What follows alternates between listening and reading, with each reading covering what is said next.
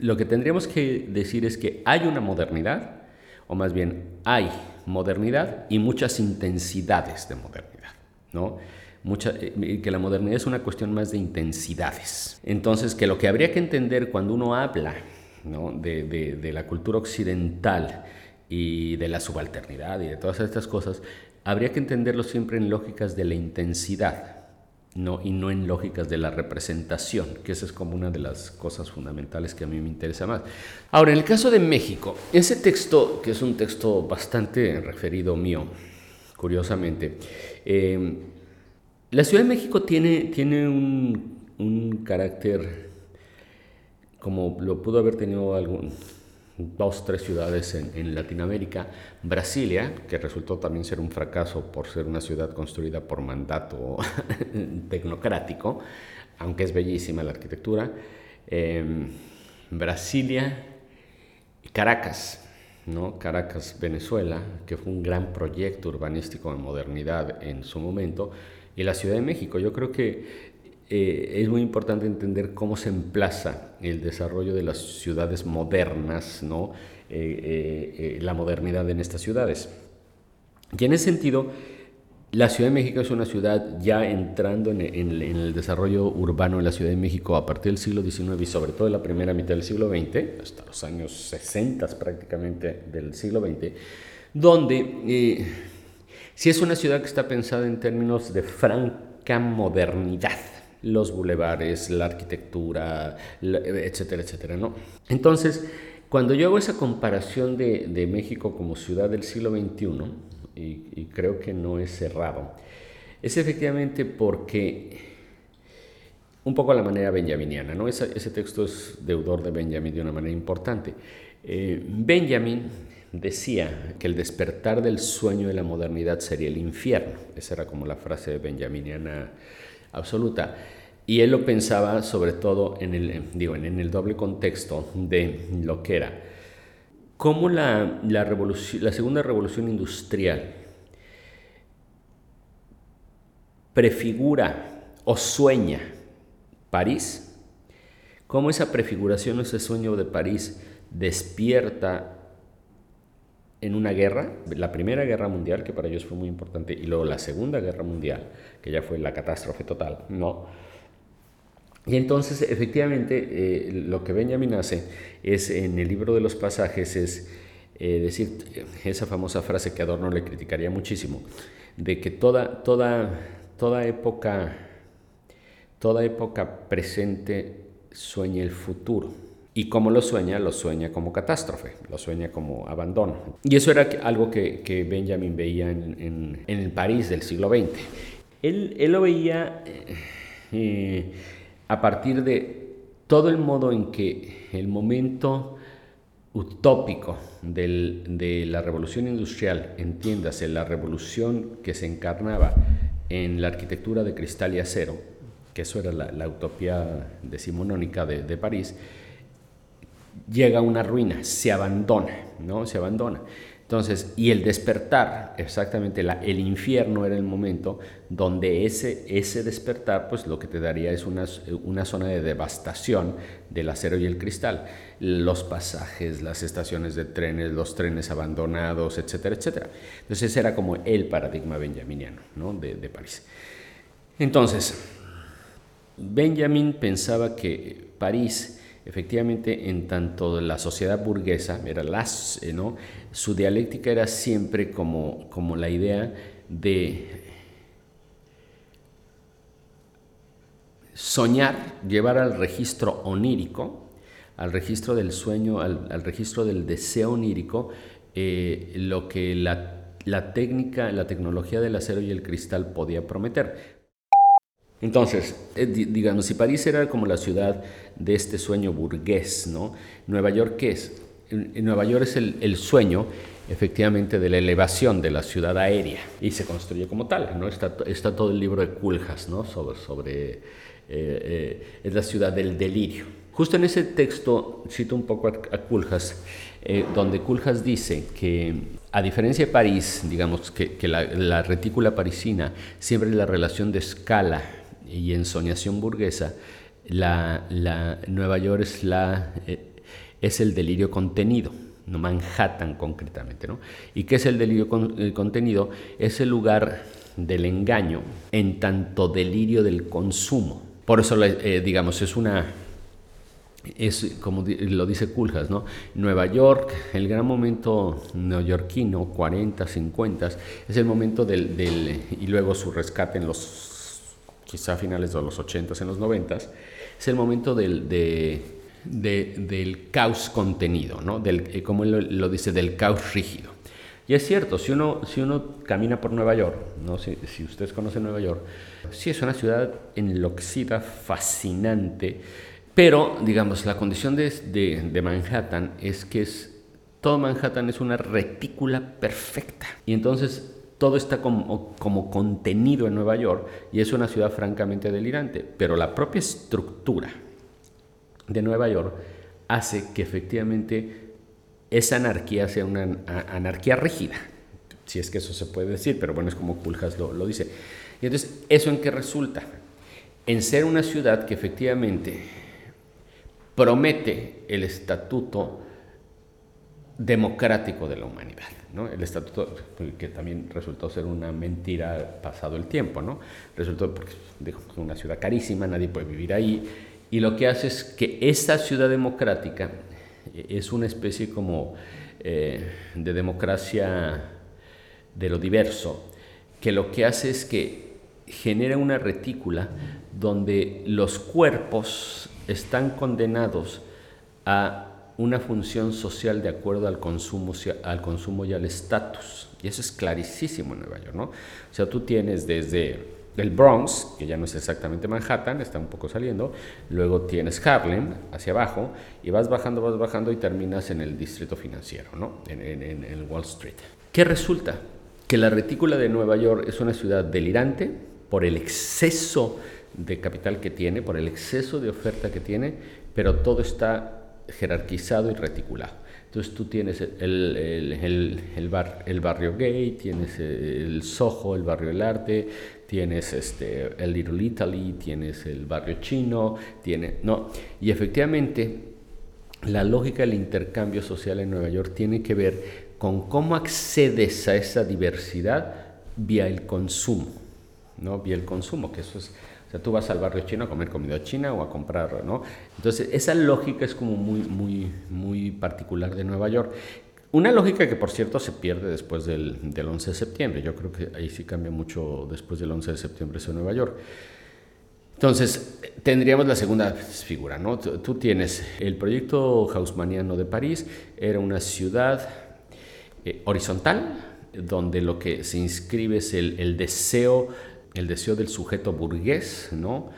Eh, de, la, buena vida. ¿no? Por, eso, por eso el personaje de Baudelaire es tan importante en Benjamin, porque es el que desmonta toda la lógica del consumo siendo el burgués, o sea, el bohemio, etcétera, etcétera.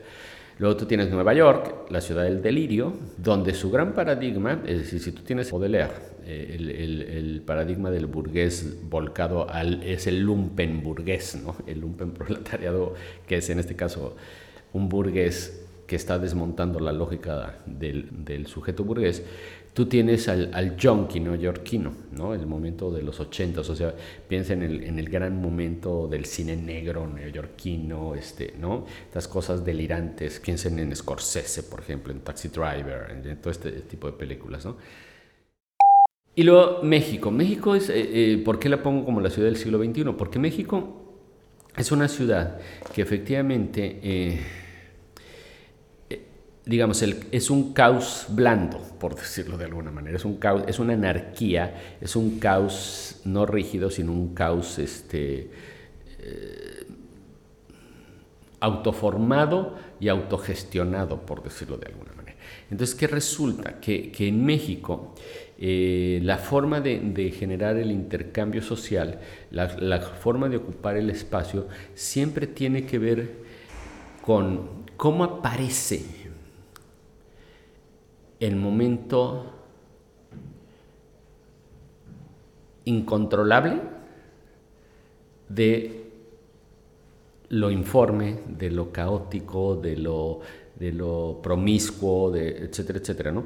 Y me refiero a, qué sé yo, a alguien que de repente decide que, ¿por qué no va a estacionar su coche en doble fila en reforma para bajarse a comprar el periódico?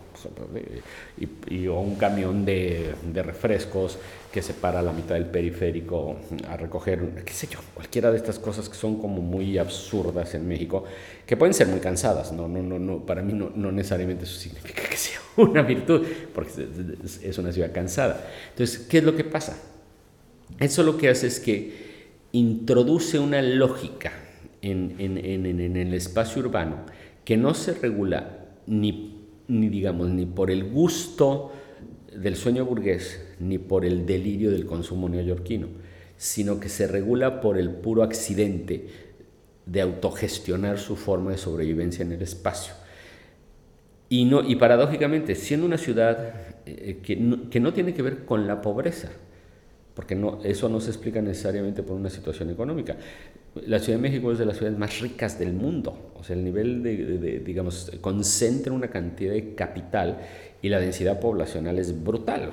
digo, la Ciudad de México tiene cerca de 10 millones de habitantes, pero la zona conurbada son 22 millones de habitantes. Entonces circulan 22 millones de habitantes por, por ese espacio. O sea, efectivamente lo que hay es una especie de exceso incontrolado, incontrolado ¿no? ¿Por qué eso es importante? Porque eso es un poco la materia vital que para mucha gente hace atractivo México, pero para mucha gente, ¿no?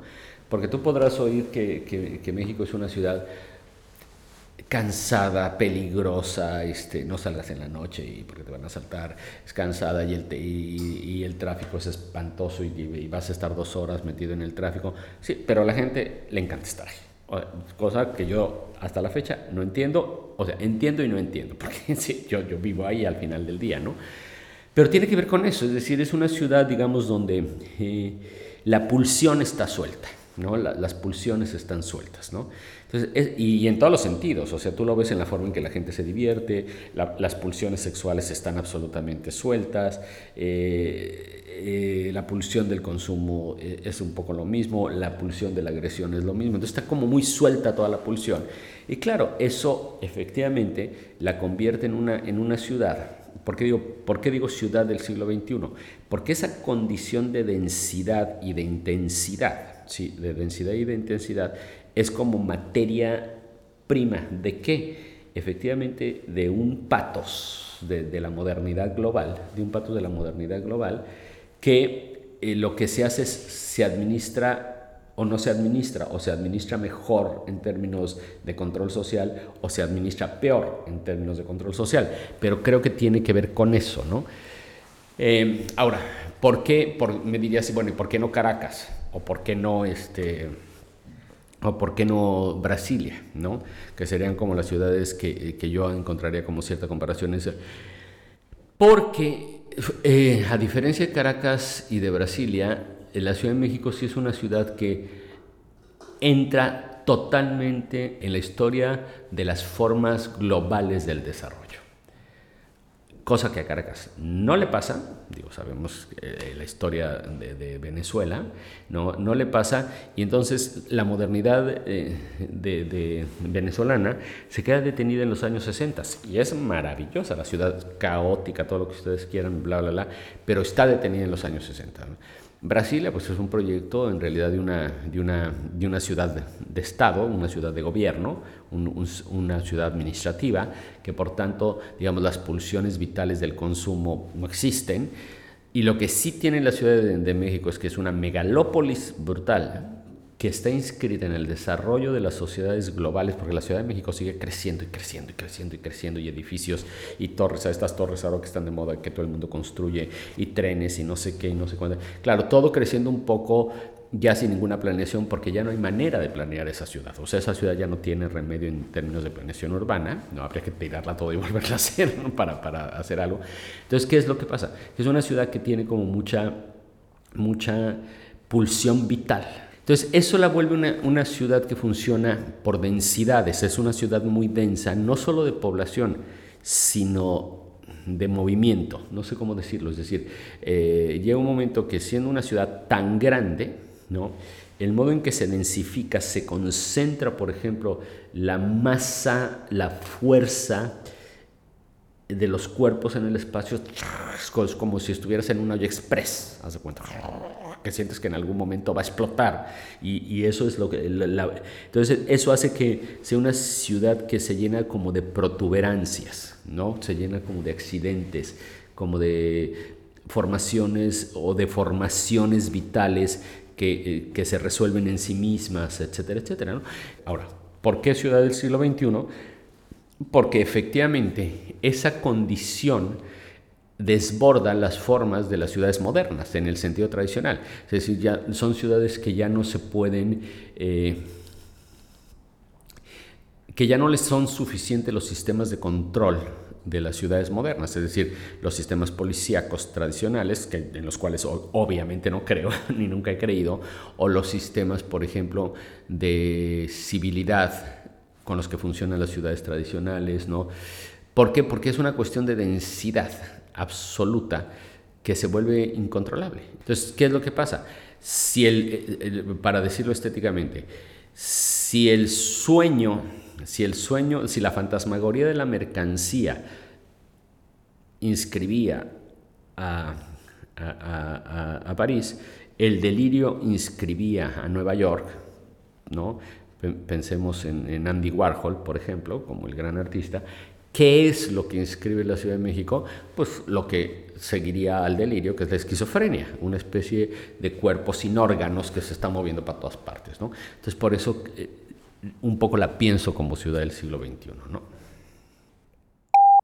Y yo creo que hemos perdido, más bien habría que repensar lo que significa el naturalismo como crítica política a, la modernidad, ¿no? Porque eh, al menos en el caso mexicano, en el caso de México, lo que está pasando en el cine contemporáneo en México, o sea, pues, lo que acaba de pasar con, con, este, con Roma, lo que pasó con Eli de Amate Escalante en, Cannes, que ganó la, palma de, eh, premio del, jurado. Es hay una, y no tiene que ver con los premios, sino con una estética que se está haciendo, es una relación entre instinto y modernidad y cómo esa relación entre, que eso era algo que Balzac ya veía en la novela del siglo XIX, en realidad es una crítica brutal a la modernidad, ¿no? Y no porque se trate de una exotización de, de, la pobreza, sino, sino más bien de una subversión a la violencia del poder, ¿no? A la violencia del poder. Entonces, ah, he estado trabajando mucho esta relación entre naturalismo, y eh, la estética naturalista como crítica a la representación. ¿Con qué tiene que ver eso? Bueno, con mi deuda filosófica con Deleuze, obviamente. Yo ahí sí, los estudios de, eh, que son pocos, ¿eh? son muy pocos los, eh, algún par de, estudios, y sobre todo la última parte de los ensayos que Deleuze tiene la lógica del sentido sobre, sobre el naturalismo de Lucrecio y de, y de Balzac, y son unos textos extraordinarios de Deleuze. Entonces, mm, el trabajo que estoy haciendo ahora tiene que ver más con esa parte, cómo, cómo entender, digamos, porque en México eh, resulta que, a, propósito de lo que, con lo que empezamos esta plática, ¿no? Los, los, digamos, las economías políticas de la representación ¿no? en el nacionalismo. Piensen, por ejemplo, ustedes en la fotografía moderna mexicana, en el cine de Emilio el, Indio Fernández, en el cine, en fin. Eh, en, el muralismo mexicano, etcétera, etcétera, como la gran tradición, ¿no? Incluso en la misma Frida Kahlo, en la misma Frida Kahlo, como esta, este icono, no sé de qué, mexicano, pero bueno, este, si lo vemos en una cierta cifra, siempre son programas iconográficos que lo que están intentando es domeñar una especie de alteridad eh, primordial o de alteridad eh, vital de la cultura mexicana, ¿no? de la sociedad, ni siquiera de la cultura mexicana, de la sociedad mexicana. ¿no? Y lo que se vuelve fascinante, por ejemplo, si, usted lo ven en Los Olvidados de Buñuel o en todo ese tipo de cine, es que lo único que no está haciendo Buñuel es una especie de visión exotizante o mitologizante sobre lo popular mexicano que sí pasa, por ejemplo, en otras partes de la, historia del cine o, o, de, o, del arte en México. Porque incluso hasta si lo pensamos en Rulfo, y aquí me podrían pegar los rulfianos, pero tampoco me importa demasiado, es los cuentos de Rulfo, lo fascinante de los, los cuentos de Rulfo es que entra en un cierto nivel como de naturalismo este, de los personajes, como forma de crítica a la modernidad mexicana, ¿no?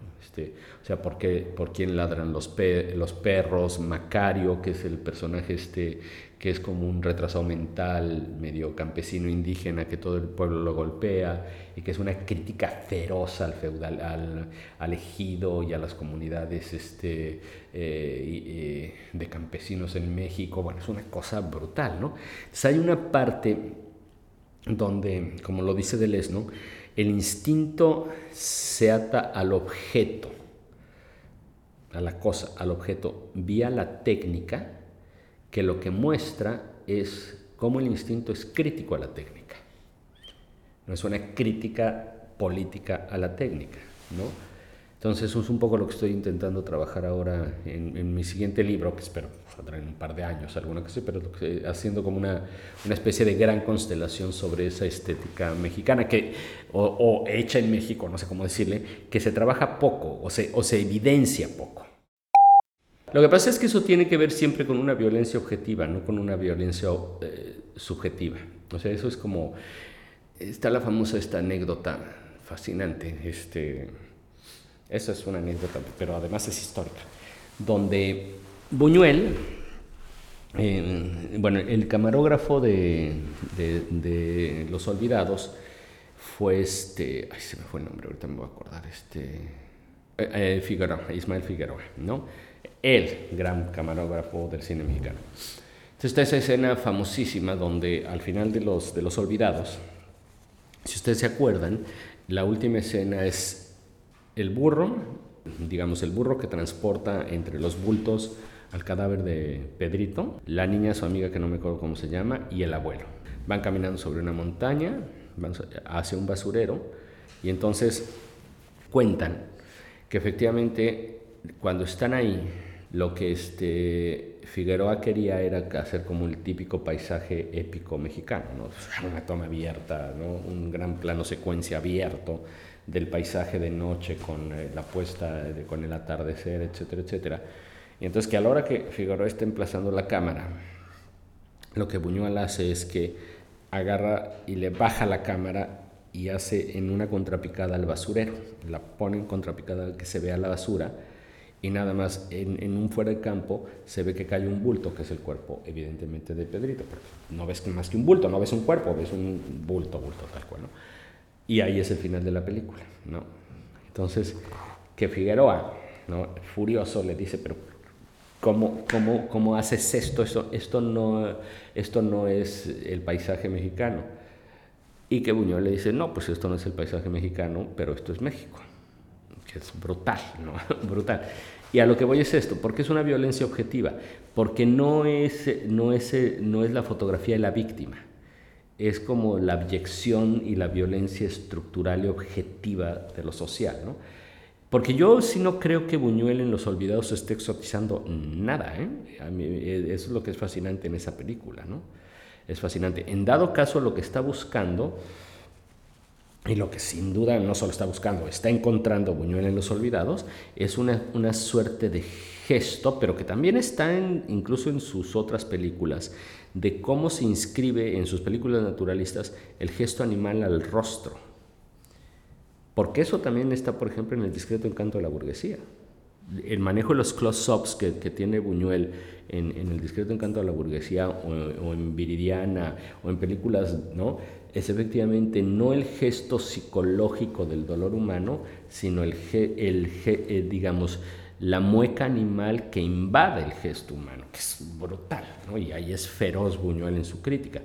A mí me parece que, que, que en, ese, en esa fuga, digamos, no figurativa, no psicologizante, no, no empática con, con, lo visual, es donde, donde está el potencial crítico de eso. Yo estoy totalmente consciente, o sea, sí, sí creo que, digamos, el riesgo, porque esa fue la gran crítica que se le hizo a Balzac en su momento, ¿no? Pues al final del día tú estás escribiendo como rico de los pobres, ¿no? y no creo, que, no creo que sea así. Y yo creo que primero esa crítica a Balzac es una crítica donde no se entiende a Balzac. Balzac es mucho más que eso, ¿no? Y, que más es bien un, un, cierto prurito, un cierto prejuicio de un pensamiento bastante eh, poco riguroso de izquierda, ¿no? Un poco riguroso de izquierda, que intenta leer el carácter de, de lo estético y de lo artístico en los programas figurativos e iconográficos y no, y no en las fugas eh, eh, no, y no en las inflexiones estéticas y afectivas, que para mí es donde está verdaderamente como la subversión de la representación. O sea, en, esos lugares que efectivamente no se resisten a ser inteligidos dentro de un programa figurativo. Que obviamente es lo más complicado de hacer artísticamente. Eso tampoco es que uno pueda hacerla, eh, que cada vez que uno lo hace le salga, ¿no? Pero eso es, por ejemplo, lo que es interesante en Francis, ¿no? Francis eh, y Melanie también en, una muy buena medida, lo que eh, siempre hacen es como irse al punto, al punto donde el gesto se rompe para hacer un, puro como trazo, una pura fuerza. O sea, si tú piensas a eh, los trabajos de Francis empujando el hielo, este, ¿no? En realidad, tú no podrías decir que eso tiene nada de exotizante ni de que está poniendo un obrero a cargar hielo y empujarlo por todas las... Lo que está articulando es esta relación performática de grabar él empujando un hielo por el centro histórico de la Ciudad de México, donde lo que tú estás leyendo es la intensidad del esfuerzo físico que empieza por empujar un bloque de hielo y el modo en que se va derritiendo el bloque de hielo. Eso me, cuesta trabajo pensarlo, es decir, si no le damos el contexto mexicano, ¿no? que, que por cierto el video no se lo da, o no se lo da particularmente, ¿qué es lo que estamos viendo con eso? ¿No? ¿Qué, ¿Qué es lo que estamos viendo? Un poco lo que Melanie también, Melanie Smith hizo en su momento en Venecia, lo que hicimos en Venecia, ¿no? Cuando con la, con la pieza del bulto, que fue muy divertido, ¿no? empezamos a intervenir las calles de Venecia, en el entendido que las calles de Venecia miden 80 centímetros de ancho y el, el bulto en la base medía 75, o sea, tú metías eso y ya no podía pasar nadie, porque además medía 2 metros de alto. O sea, era muy interesante ver, por ejemplo, como toda esta cosa de desconcierto, de no saber cómo, cómo qué, es eso, es un estorbo, eh, es una acción artística, eh, los turistas que se lo volteaban a ver, los venecianos que se enojaban porque era un estorbo más en Venecia de las múltiples cosas que estorban en las calles de Venecia. O sea, como esos pequeños gestos que efectivamente no son más que fugas estéticas y no son formaciones de sentido en el sentido discursivo o semántico del término, ¿no? A mí me parece que por ahí es por donde eh, habría que buscar, o donde yo he intentado buscar eh, las lógicas y las críticas a la representación. Esa falla, digamos, esa falla me parece que es lo que, lo que ella está buscando todo el tiempo, ¿no? Es, ese, lugar, ese lugar que está en falla, que eventualmente, efectivamente, lo que te permite ver son dos cosas. Produce un distanciamiento produce una reducción al absurdo, que es muy interesante, o sea, como una especie de paradoja de, de, de, la forma, de paradoja de la forma, pero además, sin ser, sin ser un gesto eh, que busca una primera intención comunicativa, lo que hace es que sí, opera una crítica, ¿no? Está operando una crítica, sin tenerse que echar ningún tipo de discurso eh, obvio sobre, sobre algo, ¿no? Entonces creo que eso es algo que, que el trabajo de Melanie desde muy, muy temprano, muy, muy temprano, eh, ha hecho. O sea, en, en, Spiral City, este, y que también está en el video de, de Oran Losh, ¿no? De Oran Losh, es esta parte de recorrer en helicóptero, ¿no? Melanie no quería, o sea, a ver, no, no, no, quería nada más, vamos a decirlo así, hacer una toma aérea de la Ciudad de México. Si nosotros vemos Spiral City, lo que importa de Spiral City son todos los momentos de interrupción de los tianguis por la ciudad que ella va siguiendo.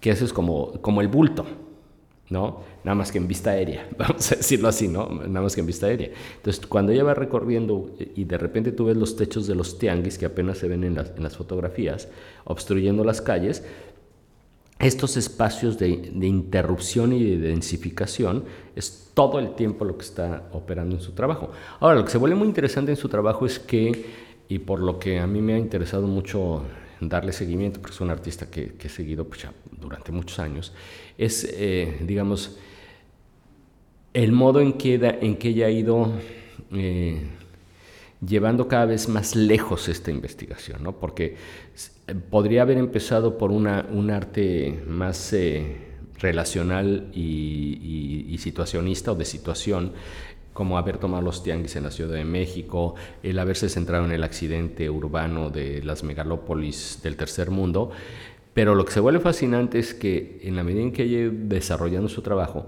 lo va ampliando a preguntas que tienen que ver con la historia del arte, con la historia del canon, con la historia de la vanguardia. ¿no?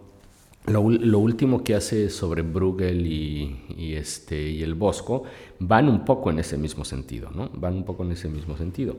Entonces siempre como buscar este lugar eh, torpe de la historia, ¿no? Que es como muy bonito, o sea, buscar ese, ese lugar de la torpeza de la historia.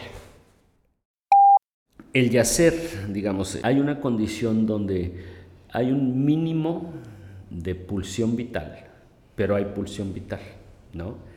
Y ese mínimo de pulsión vital a nivel de conciencia te permite captar o construir una, una serie de registros conceptuales que básicamente son medio delirantes, se están en, en una situación muy delirante, ¿no? Después de estar pensando mucho esto, lo que, lo que me di cuenta es que, que efectivamente el lugar subversivo de, de, este yacer, lo que saca es el lenguaje eh, y el discurso de la representación. Y que esa salida del discurso de la representación lo que pone, lo que es un problema filosófico fuerte, porque lo que resignifica es que, digamos, ¿qué pasa cuando uno está en una situación de enfermedad o, de precariedad de la vida? ¿No? Porque tú piénsalo, por ejemplo, en alguien que está sumergido en un estado eh, crónico de hambre, ¿no? O está en un estado de delirio en el desierto, o está en un estado, lo que tú quieras, ¿no? Ese nivel de, de como de, de precariedad vital tiene una pulsión vital es un, es un ya casi no, o sea, es casi no estás, pero estás. Es un sí, pero todavía no, es una especie como, como se dice en teología, es una especie como de parusía, ¿no? Es una especie como de, y no sé religioso, el término griego es ese, ¿no? Es el sí, pero todavía no. O sea, sí, estoy ya casi muerto, pero todavía no estoy muerto. Es una cosa como muy rara. Entonces, a partir de eso, empecé como toda una discusión con Heidegger. Y a propósito del Occidente, el Occidente eh, construye la noción y la soberanía del humano en esta figura heideggeriana que es el ser a la mano, o sea, el ser a la mano, el vaso, en vistas a. Eso fenomenológicamente siempre supone un ser erguido, ¿no? una facticidad, donde la facticidad de la existencia se fundamenta en el, no sé, por ejemplo, en la figura del arma, ¿no? Si yo tengo un, ser a la mano, una piedra, en vistas a mi hambre, pues lo que tengo es la cacería, por ejemplo, ¿no? Eso sería como una reducción, pero sería eso que supone, supone una soberanía de la existencia sobre la vida para efectivamente efectuar su acción como, como vida, como existencia, la facticidad que diría Heidegger. Pero eso no resolvería efectivamente qué significa este estado, digamos, como de, de extravío de un sí pero, sí, pero todavía no, que no puede responder a la soberanía del sujeto y que sin embargo está atado no a la existencia, sino está atado a la vida. Porque la, cuestión de, una vida precaria, como diría Jody Butler, es efectivamente que está en un estado de pura vida, de mera vida. de mera vida. Entonces, ¿qué supone eso? ¿Qué supone eso? ¿Qué nos permite a nosotros pensar? Nos permite pensar efectivamente que hay un cierto estatuto ontológico de la, vida humana que lo reconecta con lo animal, con, lo vivo, y que ese estatuto de lo animal y de lo vivo efectivamente construye una demanda que no es una demanda de soberanía, sino es una demanda como de, de, capacidad eh, crítica de la realidad. ¿Por qué? Porque entonces eso te permite releer en sentido inverso todo el tema. O sea, si la relación que el occidente, eh, digamos, eh, la filosofía occidental, nos plantea de que nosotros somos sujetos soberanos, existencias auténticas, como diría Heidegger, o podemos pretender nuestra existencia auténtica de cara a estar volcados hacia nuestra facticidad, ¿no? Hacia nuestra facticidad, ¿A qué te devuelve la vida precaria? Te devuelve la vida precaria, te devuelve a un momento donde todo el sistema de, la facticidad se ve cuestionado. Todo el orden fáctico, la economía, la política, eh, el poder, está cuestionado en su estructura misma. Y surge un, un imperativo, digamos, un cierto orden ontológico que es tu existencia como pura vida que se da en el aturdimiento de tu existencia, o sea, en el aturdimiento de tu propio cuerpo, ¿no? Y entonces eso que resulta, que reconectas algo que es muy complicado en la filosofía, o, al menos a mí me, me, ha permitido avanzar, reconectas el instinto al tiempo, la vida al tiempo, lo cual quiere decir que reconectas el cuerpo a la historia, el cuerpo a la historia, ¿no? Entonces, e, esa operación como filo, no sé si me explico, esa operación filosófica lo que, lo que a mí me permite hacer es que efectivamente, si la filosofía occidental lo que separa es el tiempo de la vida, ¿no? y eso también lo vio Marx, por ejemplo, el tiempo de la vida, la fuerza de trabajo contra el salario, el descanso contra la recuperación para seguir trabajando, todas esas son separaciones de la vida del tiempo. ¿Qué sucede con, el yacer? El yacer aparece como una categoría ontológica de lo, de lo casi muerto, de lo casi vivo, ¿no? que nos permite a nosotros resignificar la pertenencia de la existencia al cuerpo y a la vida y no de la existencia al tiempo y a la historia. ¿Eso qué supondría? Supondría que podríamos pensar un cierto orden vital de la historia, un cierto orden vital de la historia que nos permita establecer la crítica al orden hegemónico de representación del Occidente. Esa es como la tesis filosófica un poco que, que, desarrollo. Pero eso me ha permitido conectar muchas cosas, ¿no? que tiene que ver con lo que he trabajado también con Melanie Smith, por ejemplo, que es cuál es la relación entre, entre lo animal y la modernidad. Forlandia, por ejemplo, ¿no?